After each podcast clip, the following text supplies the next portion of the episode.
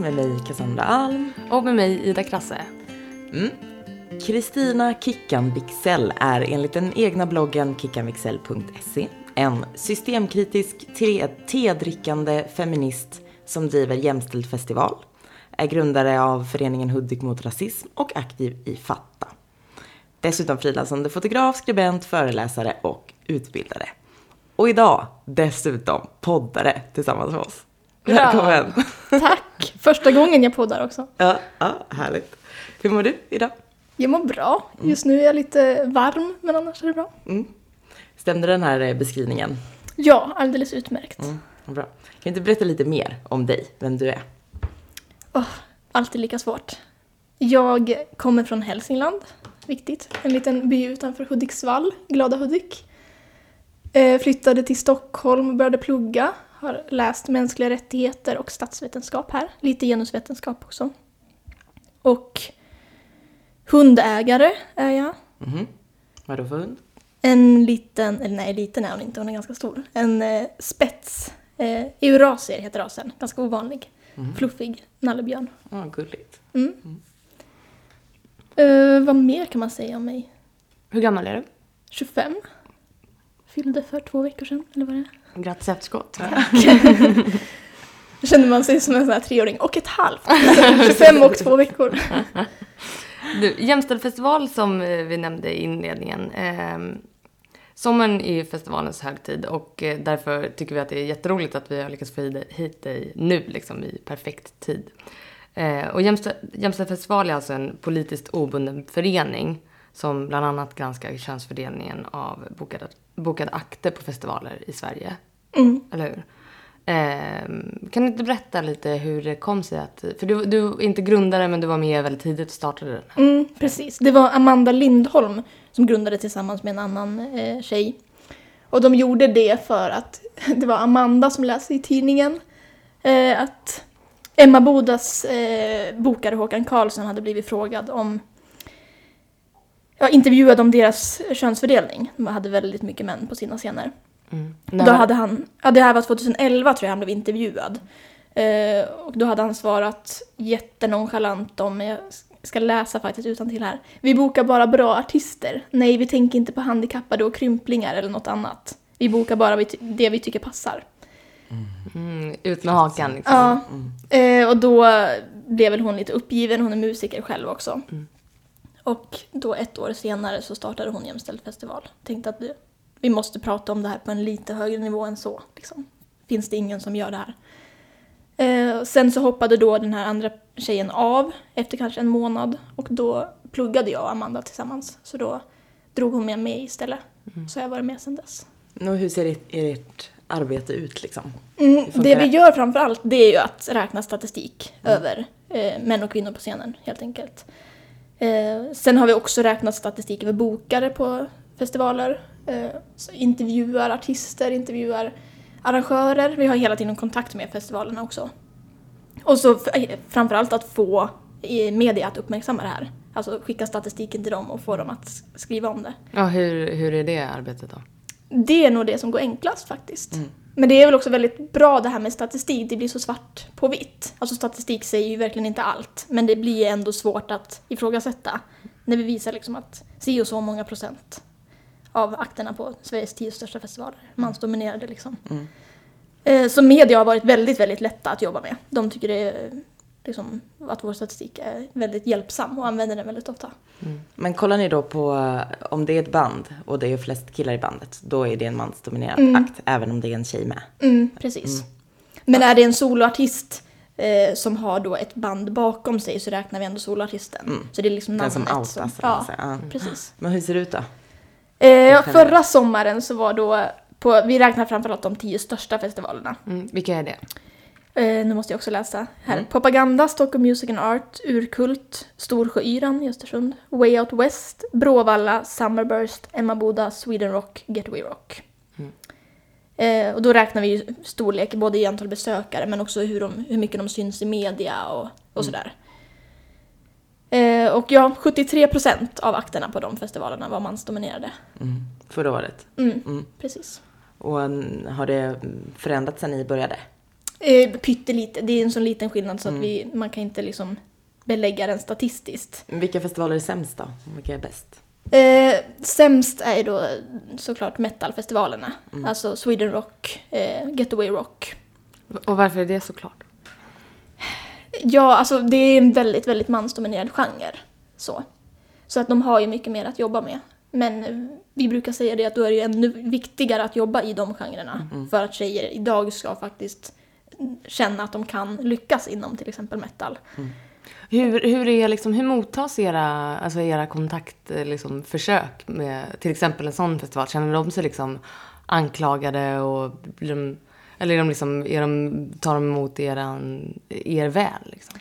De allra flesta är faktiskt väldigt positiva. Ja. Sen vet inte jag om det är strategiskt bara av dem, att de tänker att Om vi, vi kan inte liksom bli ovän med jämställdhetsfestival. För vi har ju ändå, skulle jag säga, opinionen på vår sida. Liksom. Men eh, det är nog det jag blivit mest överraskad av. Att vi har fått så himla lite motstånd. De flesta håller med oss och tycker att det är jätteviktigt det vi gör. Även då de här, de flesta av de värsta festivalerna också. Men eh, för ni, ert jobb är ju då att kolla liksom hur, eh, ja, ni räknar helt enkelt Mm. och kollar och upplyser liksom. Men är det, mm, hjälper ni dem vidare också eller är det någon annans arbete? Om, Nej. om de här festivalarrangörerna liksom bara, men shit hur ska vi göra för att få fler tjejer? Mm, alltså dels så har vi, håller vi föreläsningar och workshops i jämställt bokande. Så det, det får de absolut eh, utnyttja oss till om de vill. Sen har vi också samlat ihop till exempel med Rättviseförmedlingen listor på kvinnodominerade akter. Eh, och skickat till alla festivaler. Så att de har någonting att ta från. Och det vet vi också att vissa festivaler har använt. Men nu, kan, nu hoppar vi lite. Jag tycker vi ska gå tillbaka snart och prata om vilka som var sämst och vilka som är bäst. Men eh, de här mm, metalfestivalerna då.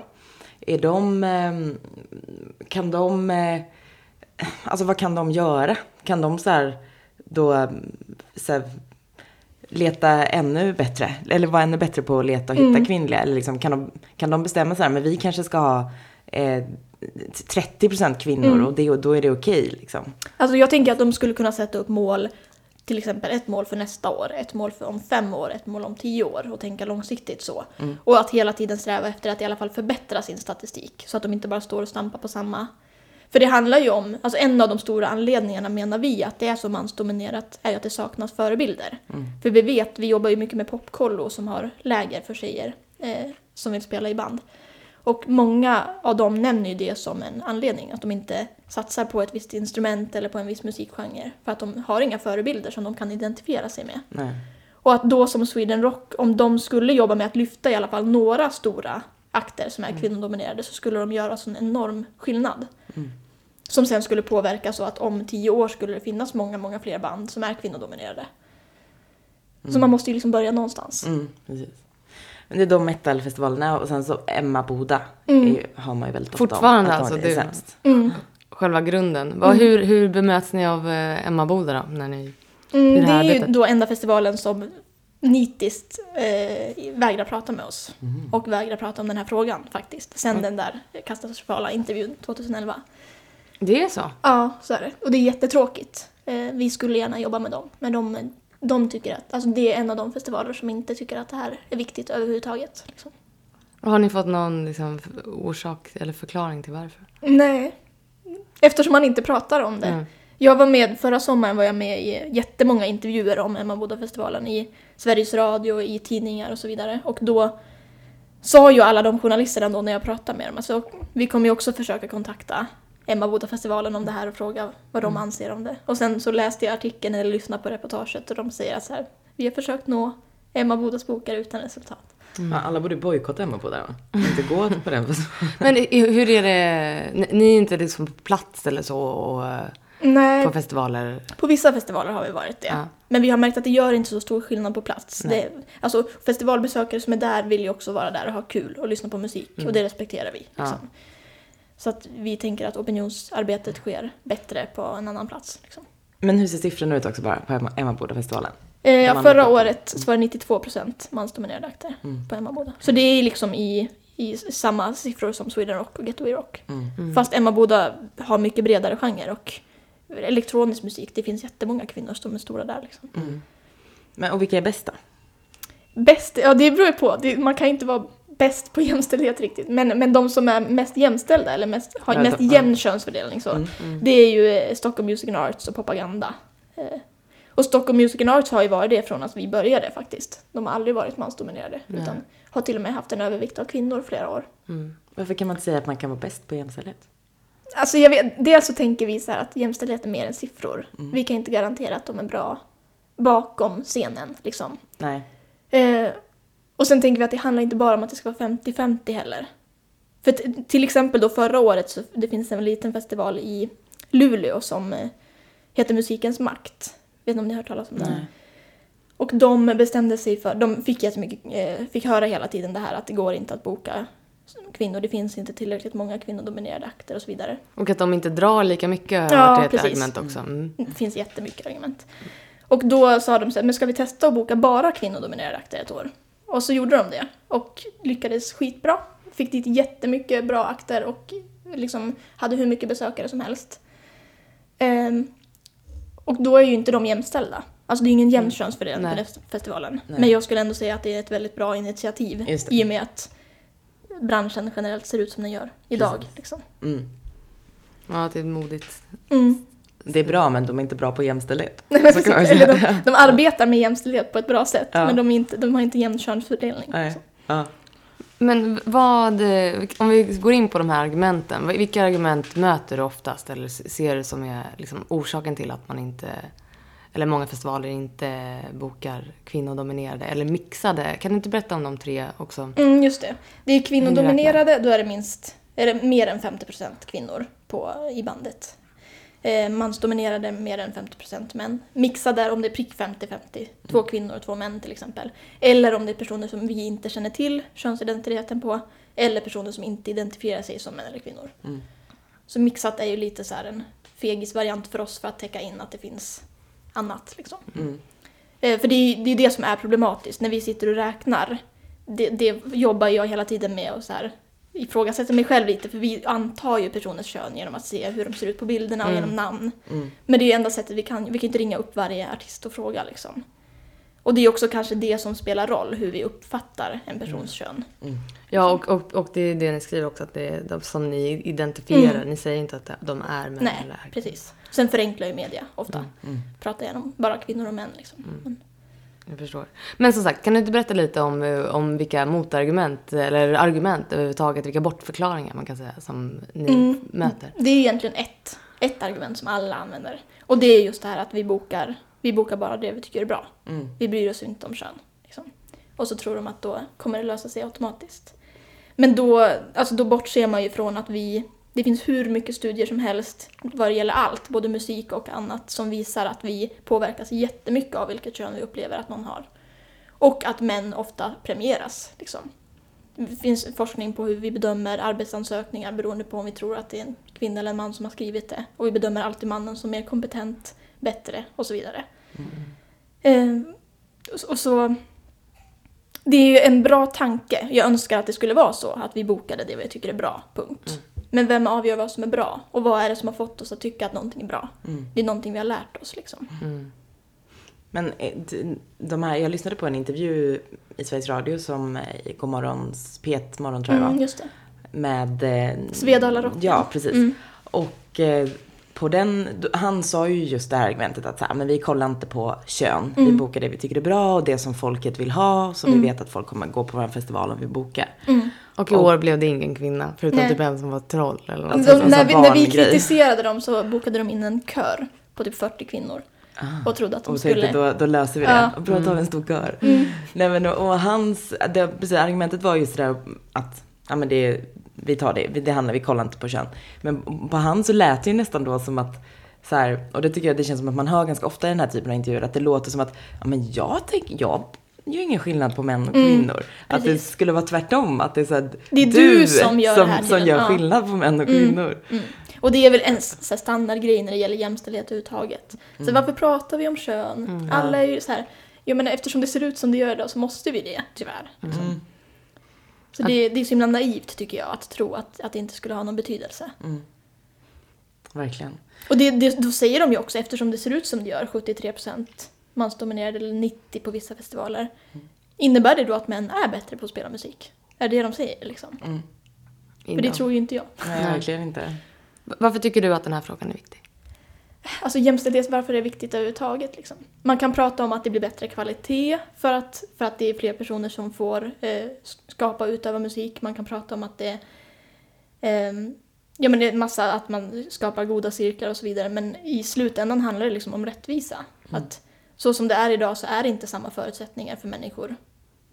Till exempel då en sån sak som könsidentitet spelar roll hur, vilka förutsättningar och chanser du har att lyckas inom olika områden. Och där är ju musikbranschen jätteviktig tycker jag. Att, att alla ska ha chans att uttrycka sig och att lyckas liksom. Men vad, vad är dina tips då liksom, till de som bok, bokar artister? Mm, alltså det första är ju att man måste sätta upp ett procentmål. För det går inte bara så här, jo men vi jobbar med jämställdhet eh, och så kommer det bli bra. Liksom. Utan man måste sätta upp ett mål och ha någon slags strategi om hur vi ska nå dit. Ehm, och det har jag också pratat med många festivaler som har Många festivaler som har bokat jämställt som har sagt det. Att tidigare år så har de, vi har haft den här liksom, ambitionen hela tiden. Men det var just då när vi bestäm, bestämde oss för att sätta upp ett procentmål som det faktiskt blev någon skillnad. För då till exempel om man bestämmer sig för att boka hälften kvinnor eller kvinnodominerade akter. Då får man ju se till att göra annat, att man bokar antingen varannan kvinnodominerad, varannan mansdominerad akt. Eller att man bokar upp de kvinnodominerade först. Så att det är klart liksom. Mm. För annars blir det lätt så att man bokar slentrian som vanligt och så i slutet upptäcker man att men shit, Oops. ja, nu ser det ut så här igen, hur gör vi nu? Så, här, så försöker man snabbt boka någon för att jämna ut det där och det blir inte bra. Liksom. Nej, jag tänkte på det, alltså, så här, jag tänkte på eh, honom, för de, i det här, jag lyssnade också på P1-inslaget eh, och de visade spelade låtar från, ja men eh, han Hasse, vad heter han, Andersson? Mm, just det, som Eh, Melodifestivalen. Ja, och mm. de spelade flera liksom, Melodifestivalen-låtar. Och, så här. och då tänker jag på så här, det var ju jättemånga kvinnliga akter i Melodifestivalen. Mm. Så här, som, varför inte de lika intressanta Mm. eller att, att, att boka in? För just för att, de, för att de, han, i den intervjun, jag ska, ja, underströk det att vi, vi bokar det som publiken vill ha. Det var, ju- det var också hans argument. Mm. Ja, och de hade ju gjort någon sån här förfrågan på Facebook. Så här, Vad vill ni se på Svedala? Och då hade ju folk framförallt eh, önskat mansdominerade. Jag tror att det var två kvinnodominerade akter som de hade önskat. Men då kan man ju ställa sig frågan, den publiken har ju varit på Svedala Rocken tidigare. Och då är det ju de akterna de föreställer sig. Alltså vi, har, vi är ju alla invanda i det här. Ja. Om jag kollar på vilka musikakter jag lyssnar på så är det nog ganska mansdominerat också. För att jag har lärt mig det sen jag var liten. Liksom. Så det är så himla, det är också så oansvarigt att skylla på det. Liksom. Ja, man har ett, eh, har man bestämt, fast det, fast det var ju, tänkte så att har man liksom dragit igång en sån grej, då har man ju ett ansvar också. Mm. Men då, det var ju också hans argument i just den här intervjun, att så här, varför ska jag, det här är ju, jag, det, ja, jag kommer inte ihåg men han hade inte massa bokningsbolag bakom Mm. sig och hur det nu var, och strunt samma i hans specifika fall, men det är klart att jag, jag tycker att alla har ett ansvar, men de själva kanske bara tycker vi vill ju bara göra en festival Mm. som vi tjänar pengar på liksom. Och det är också en, en sån här standardgrej att de skyller ifrån sig på varandra. Alltså när vi intervjuar eh, festivaler så skyller de på bokningsbolagen. Att det är bokningsbolagen som har en, en skev könsfördelning. Och så pratar vi med bokningsbolagen och då skyller de ifrån sig på festivalerna för att festivalerna önskar fel musik. Och så skyller man på musikskolor för att de inte jobbar med det här och så skyller man på föräldrar för att de inte uppmuntrar sina barn. Och så bara går det runt liksom. Ja, men kan bara alla börja ta lite ansvar så kanske vi kommer någonstans liksom. Och festivalerna har ju makt. De har jättestor makt. Så att någonstans måste ju de ta ett visst ansvar i alla fall.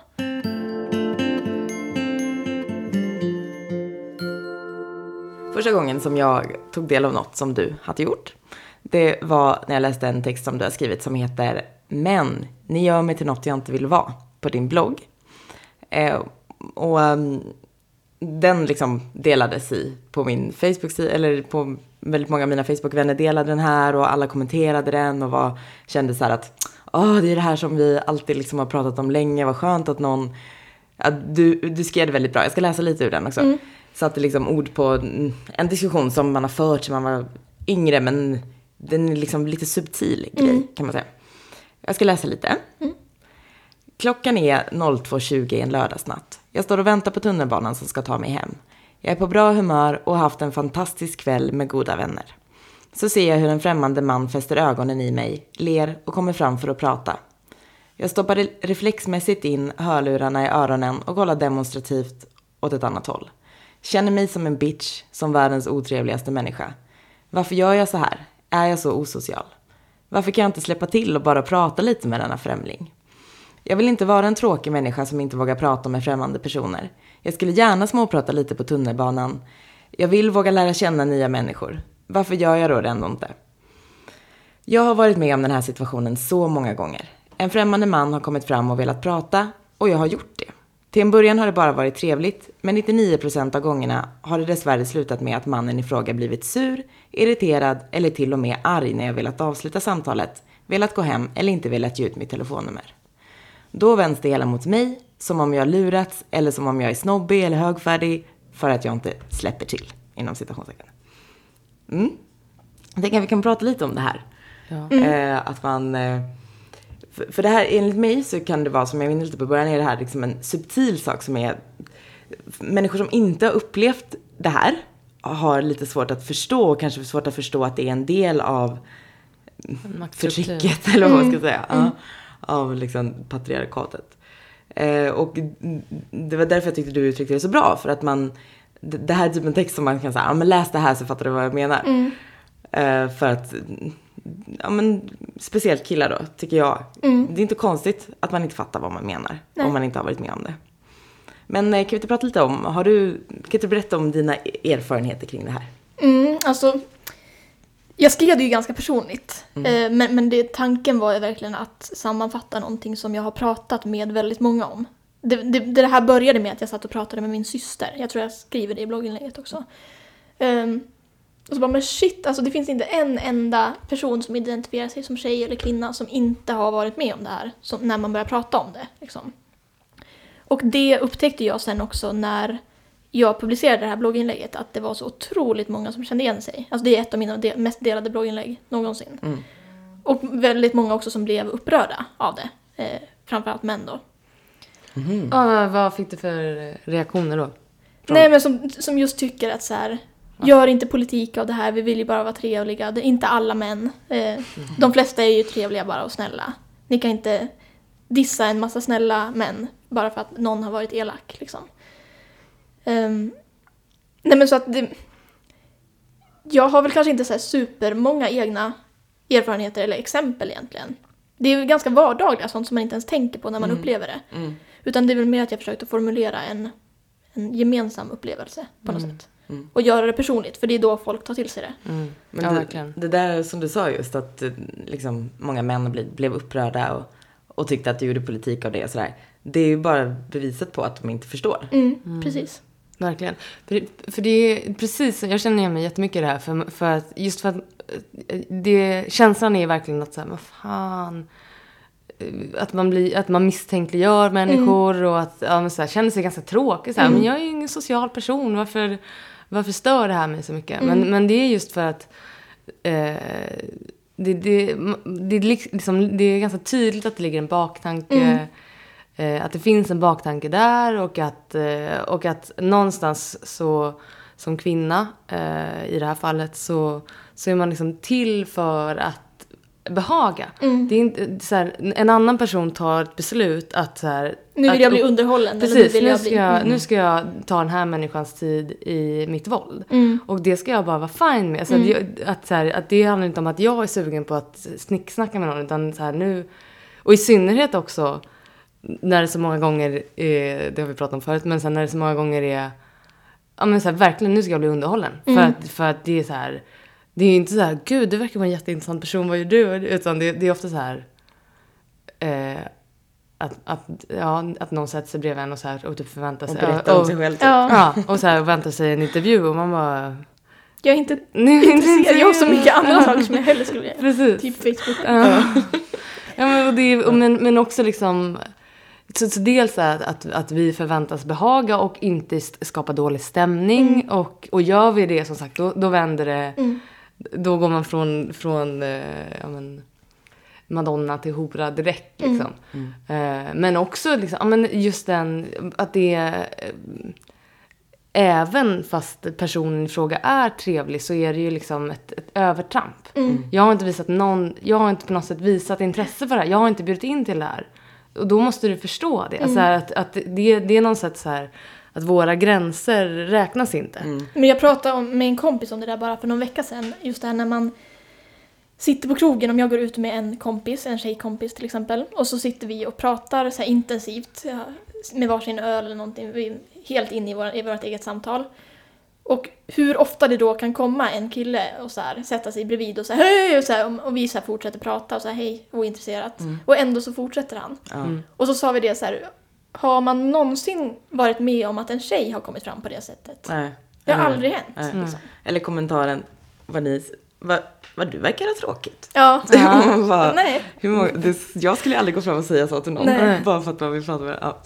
Men det som jag upplever mest, eller det som jag, alltså min stora, jag har aldrig blivit så att jag har blivit rädd eller liksom att jag har känt mig kränkt riktigt. Men däremot att man blir så besviken. Alltså jag kände så många gånger när jag till exempel åkte hem med tunnelbanan ensam och så kommer någon och pratar och så först är jag såhär, ja men ska jag orka? Så, jo men den här personen kanske ändå vill bara vara trevlig så här. Och så pratar man lite, kanske är lite trevligt i början och sen slutar det alltid med att säga, jaha, han ville bara ha mitt nummer eller han ville bara få mig med, med hem eller liksom och så bara, jaha, då var, så här, man blir så besviken på mänskligheten liksom. Och då orkar jag inte, så här, då skiter jag hellre i det för att slippa hoppas att den här gången kanske det inte var så. så. Nej, Precis, för att det är ju det som blir den negativa konsekvensen. Eller det är också att det är jävligt jobbigt. Men eh, att man blir, som du skriver om i det här inlägget också, att man blir så himla sluten. Jag hade en tid som jag bara så här, nej men nu ska jag bestämma mig för, jag, jag kan känna att jag är väldigt så här, att man, som man är, liksom tittar på människor, möter människors blickar och så här. Men jag bestämmer, jag orkar inte det mer nu. Nej. Nu ska jag bara titta rakt fram. Och det, det Ja, men en jag sån- känner mig inte som en sån person. En sån klassisk sak som när man dansar på ett dansgolv. Om man då råkar kolla en kille i ögonen mer än typ Ja, en halv sekund, här framme ja, på då är det liksom kört. Och att man har lärt sig det, att inte göra så. Liksom. Ja. Att inte bjuda till, fastän det inte ens handlar om att bjuda till utan att bara vara en, uh, en människa på ett dansgolv. Ja. Liksom, och inte... Precis. Men jag har också tänkt på mer så här vad det är i liksom det långa loppet, hur det påverkar. Att, eh, så, så nu för tiden, det är fortfarande lika jobbigt, men nu för tiden så kan jag ändå så här, när jag får, när, om, om det är någon på tunnelbanan så på kvällen som kommer fram och pratar och man bara, men, åh, typ gör, typ sätt, som du skrev, ta på sina hörlurar eller så här, säger bara, snälla jag orkar inte prata just nu liksom. Så känner man sig så dålig och som en tråkig person. Men nu kan jag ändå så här, nej, men jag ville ju inte prata med honom. Skit i det här nu Cassandra, tänk inte på det mer. Och så tar det några dagar och sen så ändå släppt det. Men när man var mindre, då, alltså 14, 15, då hade inte jag gjort den analysen i alla fall. Nej. Att så här, att okej, det kanske inte beror på mig. Det kanske inte är jag som är otrevlig eller- nej. nej. precis.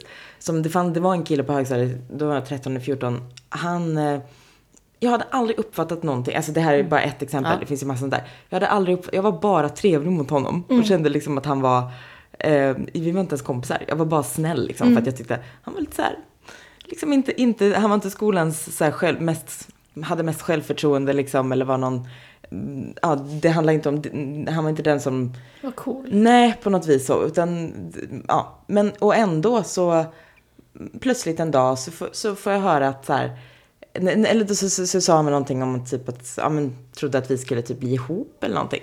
Och jag, eh, när jag då fick så här, va? Vadå? Så plötsligt så börjar man höra så här att, jaha, han har gått och sagt så här och så här om mig till den och den, att jag har varit konstig och jag har gjort så och så och så. Och då är det du som har lurats eller Ja, skickat fel precis. signaler. Skickat fel signaler och att man är Fört honom. Ja, och att man är liksom så här taskig och ja. Och då har jag bara nu det där, jag, det är liksom inget som har levt kvar med mig just den saken, det var bara ett exempel bland många. Men det som det som jag tänkt på nu, liksom vad det har gjort med en, att man då blir så här som 14, 13, 14-åring går runt och känner som att, men gud, är jag en, liksom vad är det för fel på att, på mig, varför är jag så otrevlig? Nu måste jag börja vara Eh, när jag pratar med människor så måste jag alltid vara så trevlig mot dem och sitta och prata. Eh, för att jag, istället för att fokusera på mig själv då, så fokuserar jag ju på att den andra personen ska må bra och ha det bra. Och få en bra uppfattning om mig. Ja. Eh, och så här, allt hänger ju ihop så tydligt då. Att så här, vad gör det med oss som kvinnor? Det gör ju, både som du sa Ida, att eh, vi liksom ska vara trevliga och hålla bra stämning, få se till att det är bra stämning och sådär. Men det blir också att vi inte vågar ta, eller vågar, men det blir att vi då inte är dem, vi står inte längre, vi, vi spelar inte i ett band och gör det som vi själva vill göra liksom Nej. på samma sätt. För att vi, Försöker, Vi tänker vad som blir bäst för menar. alla, eller Ja. vad som blir bäst för den massan. Ja, och vad ska, hur ska Och hur jag jag... ska frams- jag, hur jag ska kan jag inte gå, ställa mig längst fram i klassrummet och skrika för att då kommer folk tänka om mig att jag är så här konstig och oskön liksom. Men en som inte har fått det här att man alltid ska vara liksom alla andra till lags. Då, alltså ens självkänsla blir mycket bättre då. Ja, verkligen. Jag undrar också vad det liksom säger om både pojkar och mäns liksom, beteenden. Alltså vad, vad grundar det här sig i på något sätt? Att, så här, att förvänta sig att, eh, att, att förvänta sig att, man, att det är okej att bete sig så. För i- med tanke på att, så här, att det inte bara är, ja men som du sa, att om Inte du skriver så här, bara, liksom. Nej men, men om, om, om, som du sa också att det är så här, det är inte bara någonting som du och jag och Sandra har varit med om utan att det är någonting som så många Mm. kvinnor känner igen sig i. Så vad, vad är det, det är, för det är, någon, det är någon så här, på något sätt är det en social här, kod som, som är helt fucked up. Liksom. Och det är det där som är så himla svårt att veta var, vems ansvar det är för att bryta det och var man bryter det. Liksom. För att någonstans, nu tycker jag inte att kvinnor har något ansvar här egentligen, men samtidigt så är vi ju också en del av det för att vi hela tiden bekräftar det där och liksom tillåter det och så vidare. Och då, då slutar det ju aldrig. Jag tänker med, bara med små barn liksom. Så Ja. redan där så kan man ju se att små tjejer så här, går med på saker för att de så här, ja men det blir trevlig stämning då. Så här. Och ja, jag tycker det där är jättesvårt att veta vems ansvar det är att stoppa det. Liksom hur...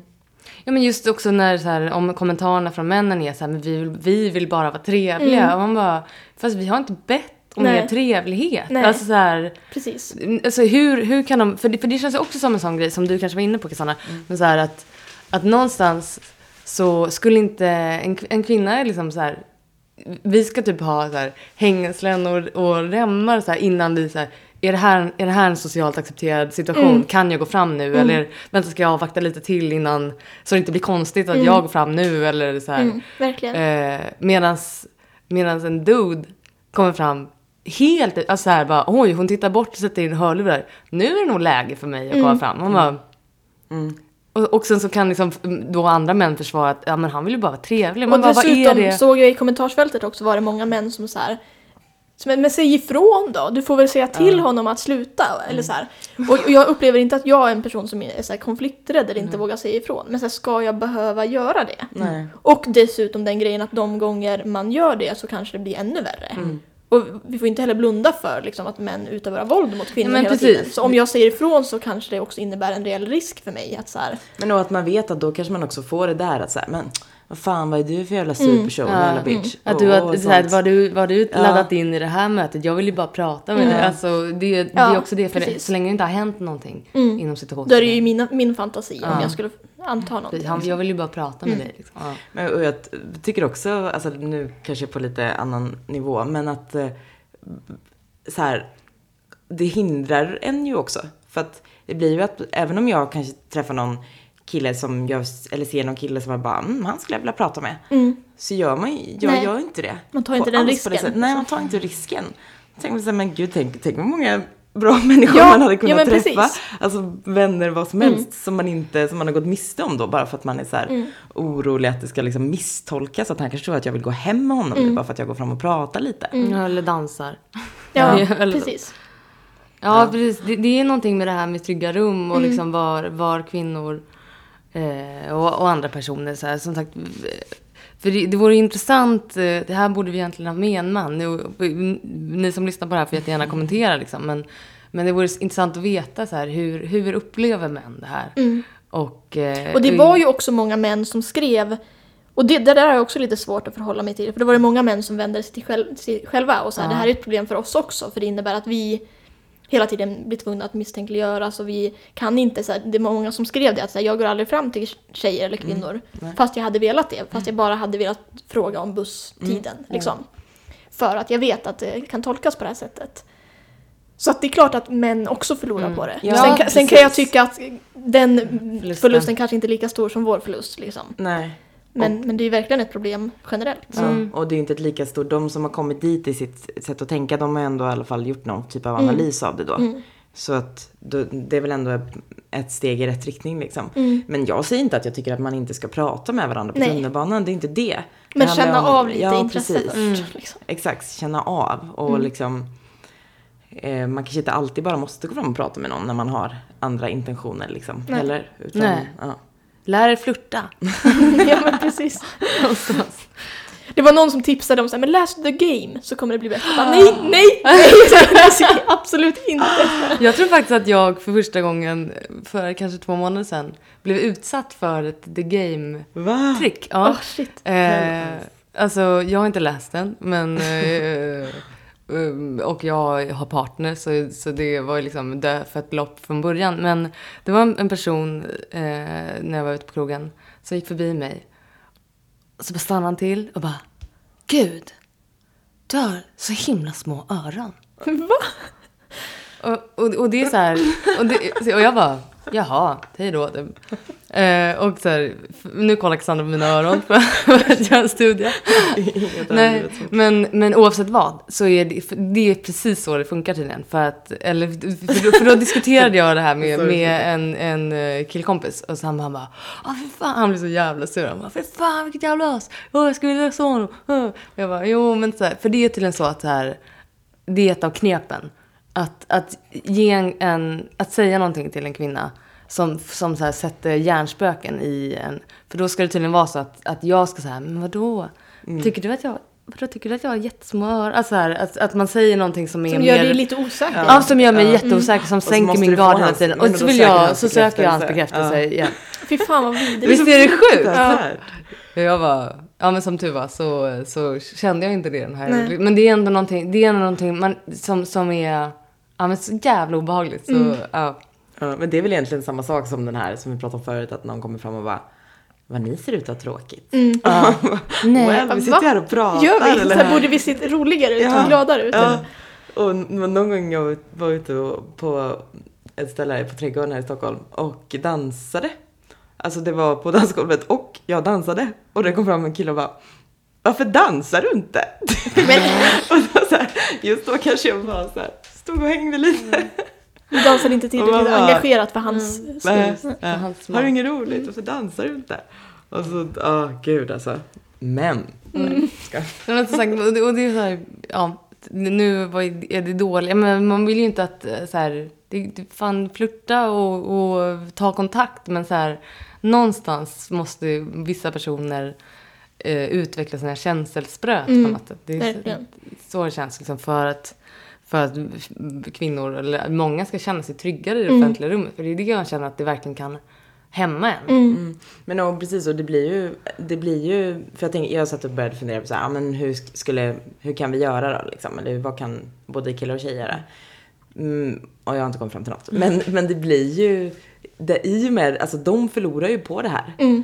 killarna också. För att det blir ju att jag så här skiter i att gå fram till killar som vi sa.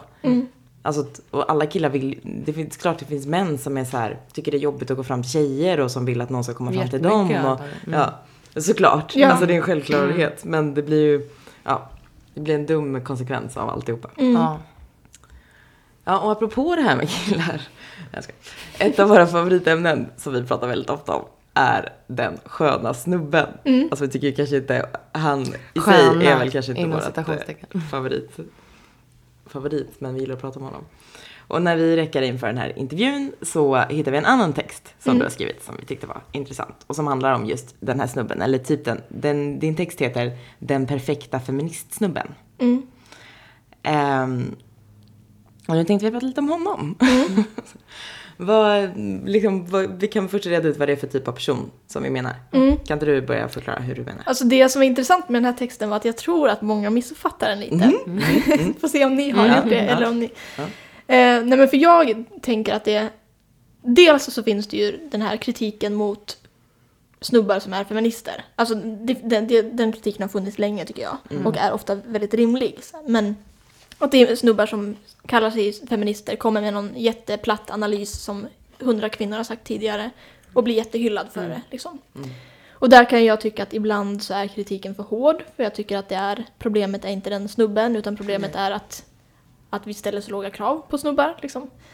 Eh, Men sen har jag upptäckt på senare tid ett problem just det här med att det finns en tendens, och det gäller inte bara killar utan kanske feminister överhuvudtaget, eh, där, där man liksom, det finns en mall för hur man ska vara en perfekt feminist. Man ska säga vissa saker, använda vissa termer, använda vissa ord och eh, ha vissa analyser. Liksom.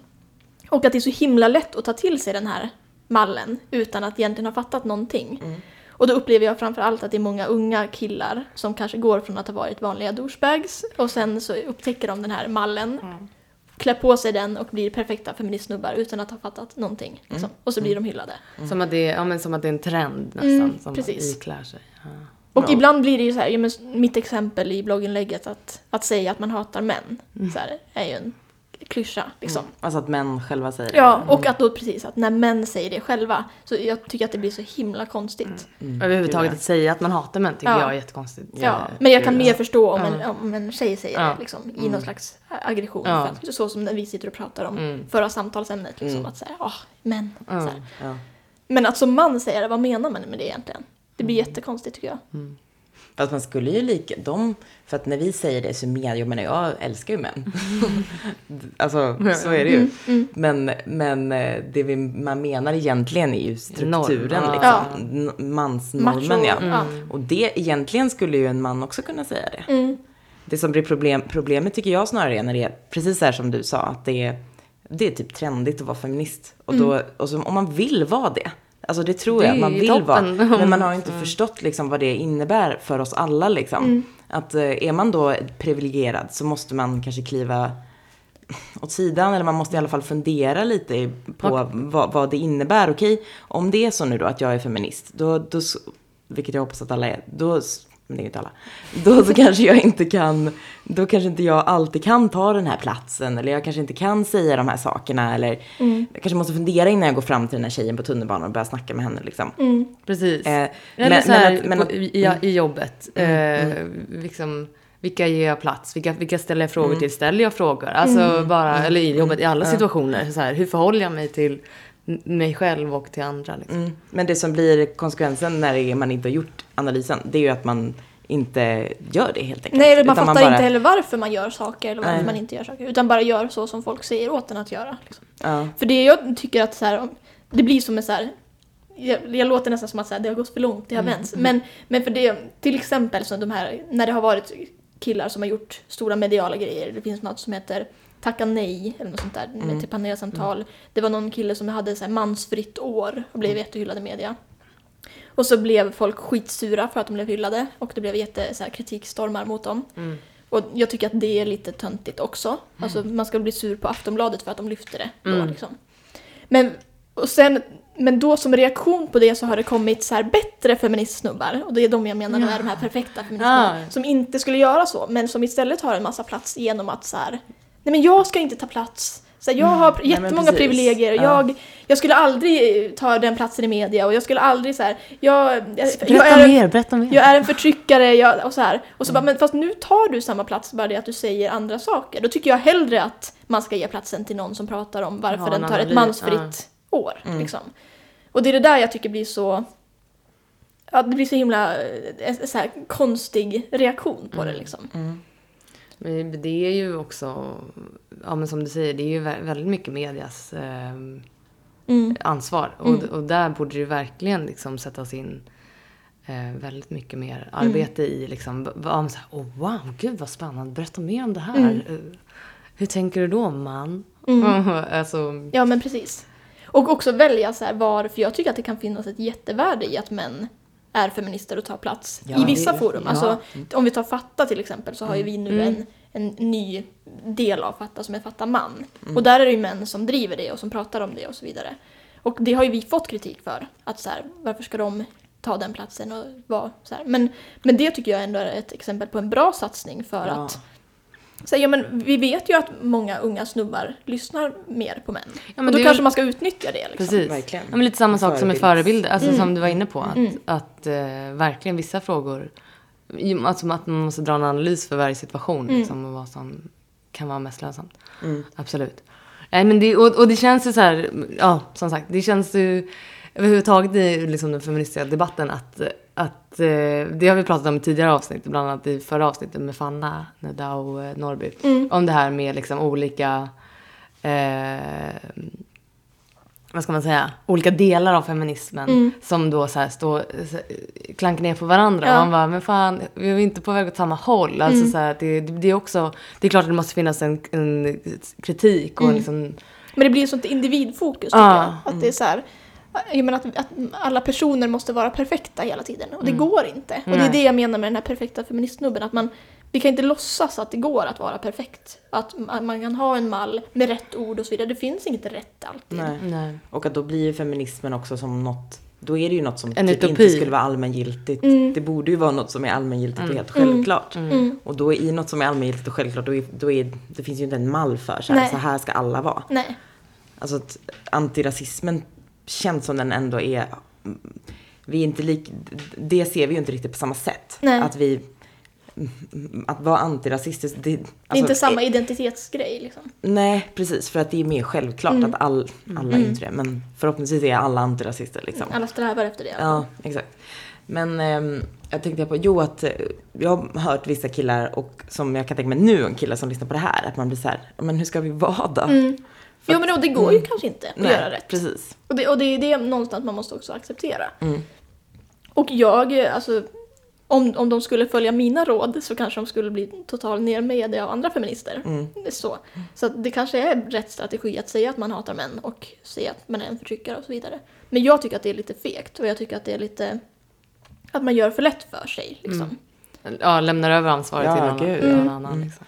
Men och det som man alltid, alltså oavsett kön, är väl att man, och men speciellt män i det här sammanhanget, att man kanske behöver verkligen så här kliva ett steg tillbaks och fundera Mm. efter. Mm. Och att eh, jag, jag tycker, jag blir alltid glad om någon säger att den är feminist. Alltså jag Mm. skulle aldrig bli så här, vad fan. Men däremot så kan jag, jag ju såklart känna så här, okej du, är- du säger att du är feminist och det är jättebra att du gör det för jag tycker att ju fler som säger att de är det, desto mer allmängiltigt blir det ju. Mm. Men lite måste man ju också försöka leva upp till det. Mm. Alltså man skulle Ja, ju inte det- gå runt och sprida rasistiska åsikter och säga att man är antirasist. Nej. Så att, ja. Nej, precis. Man måste tänka på sitt eget beteende också. Ja, men också att så här, för om vi tar, om det är en snubbe som har kommit på att eh, han vill vara feminist, så här att jag tycker att det är intressant att se att om han är öppen med den utvecklingen också så här, ställer frågor. Om jag säger så här, det där var sexistiskt det du sa just nu. Då vill inte jag att han säger okej. Nej, precis. utan så här, Utan varför så här? Mm. Kan du förklara varför? Så här. Och om jag inte pallar det då, för att jag har förklarat det hundra gånger, så kanske jag säger det. Så här, Du får läsa Läs. den här texten istället. Ja. Men att ändå inte så här bara bara acceptera. Utan man måste ju jobba med det. För man har ju också olika, det är inte säkert att vi kommer hålla med varandra. Han Nej. kanske har en annan analys som är bättre, fast han är snubbe. Mm. Men då måste vi prata med varandra liksom. Mm.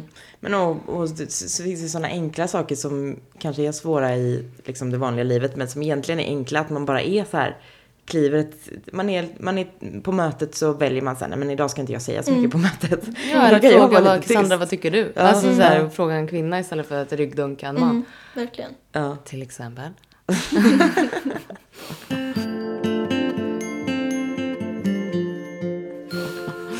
Eh, Vi har ju en programpunkt eh, i varje avsnitt som heter Kass och Krass tipsar. Mm. Och idag heter den Kass och Krass och Kickan tipsar. Eh, har du med dig några tips till våra lyssnare? Ja, eller jag har faktiskt bara kommit på ett. Ja, det är, Som, men som ett väldigt bra tips. det är bra. Det är bra. Så jag hoppas att det funkar. Kvalitet.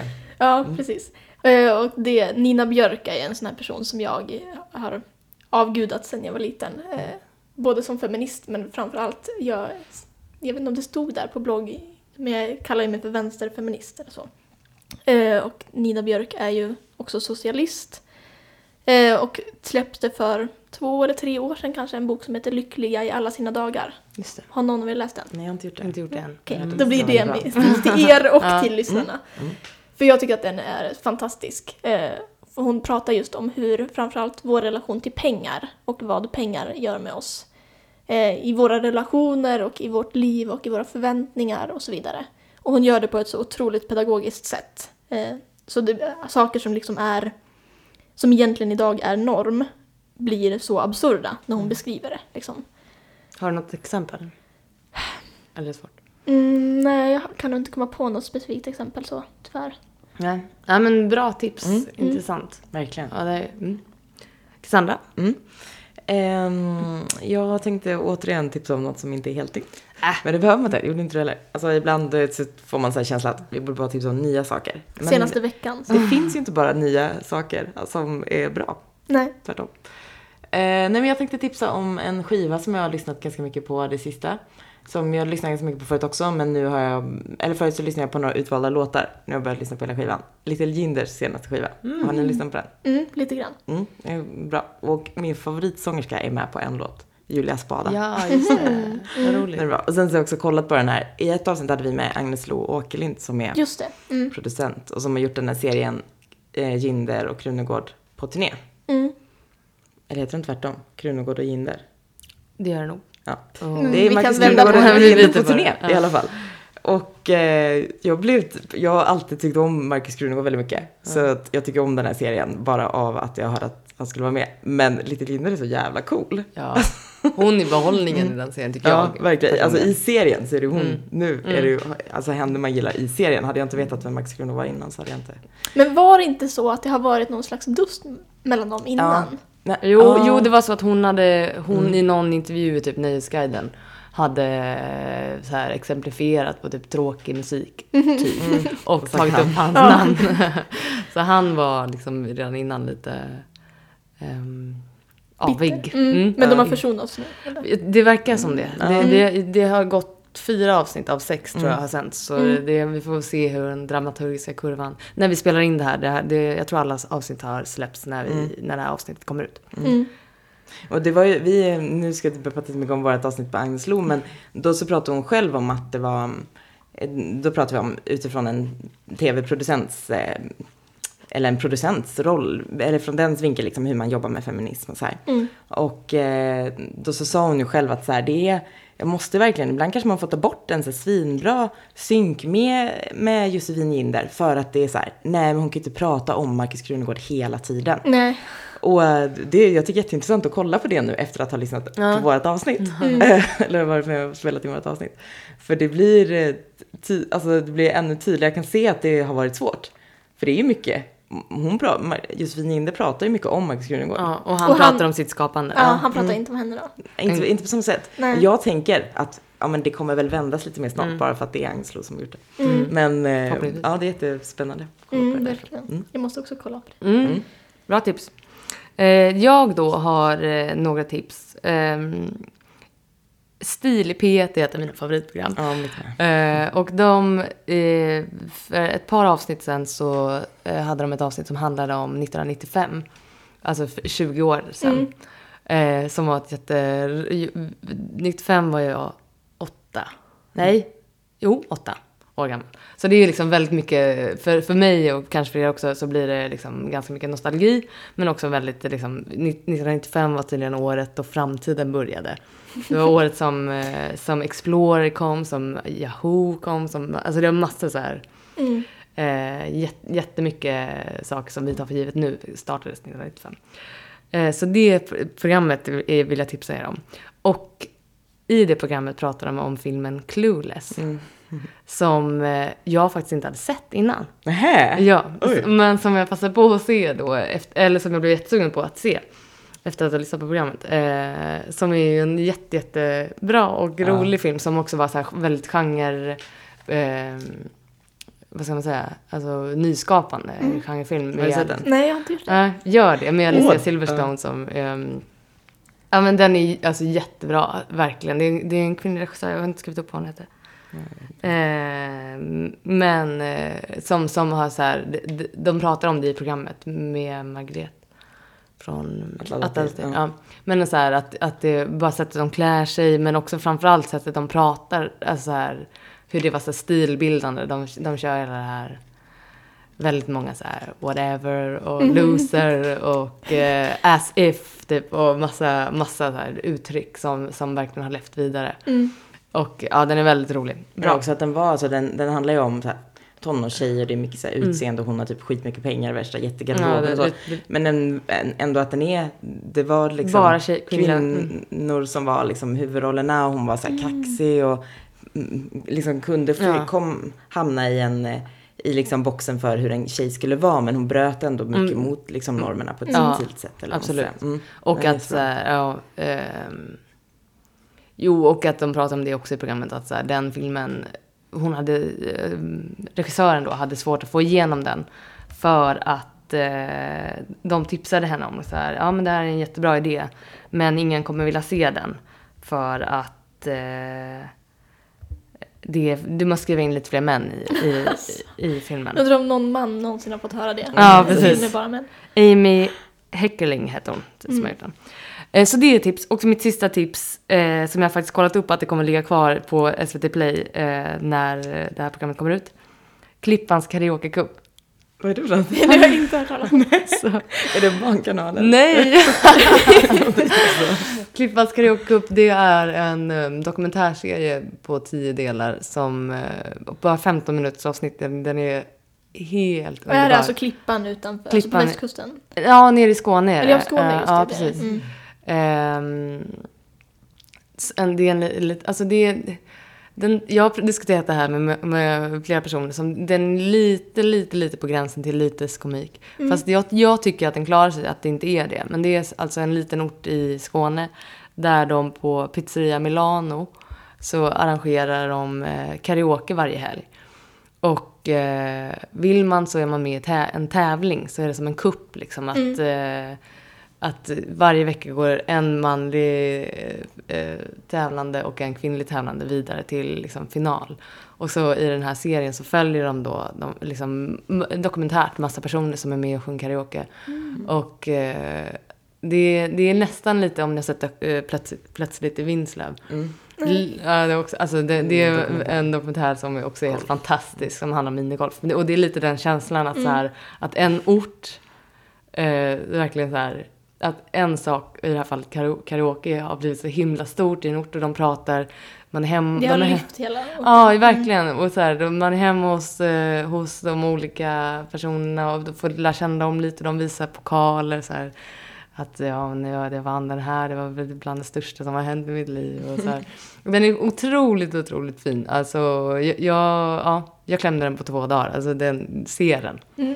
Verkligen. Ja, roligt. Bara namnet Klippans Klippans karaokecup. karaoke. Ja. Eh, den finns i Play fram till oktober, så det är ingen stress. Nej, nej, nej. Mm. Är vi nöjda? Jag är nöjd. Hur känner Jag är du? nöjd. Är du nöjd? Bra. Kul. Tack för att ni har lyssnat. Och tack Kikkan och Xer för att du Tack ville för vara att med. jag fick komma och vara med. Jätteroligt. Ja, jättekul. vi. Hej då. Hej då! Hej då.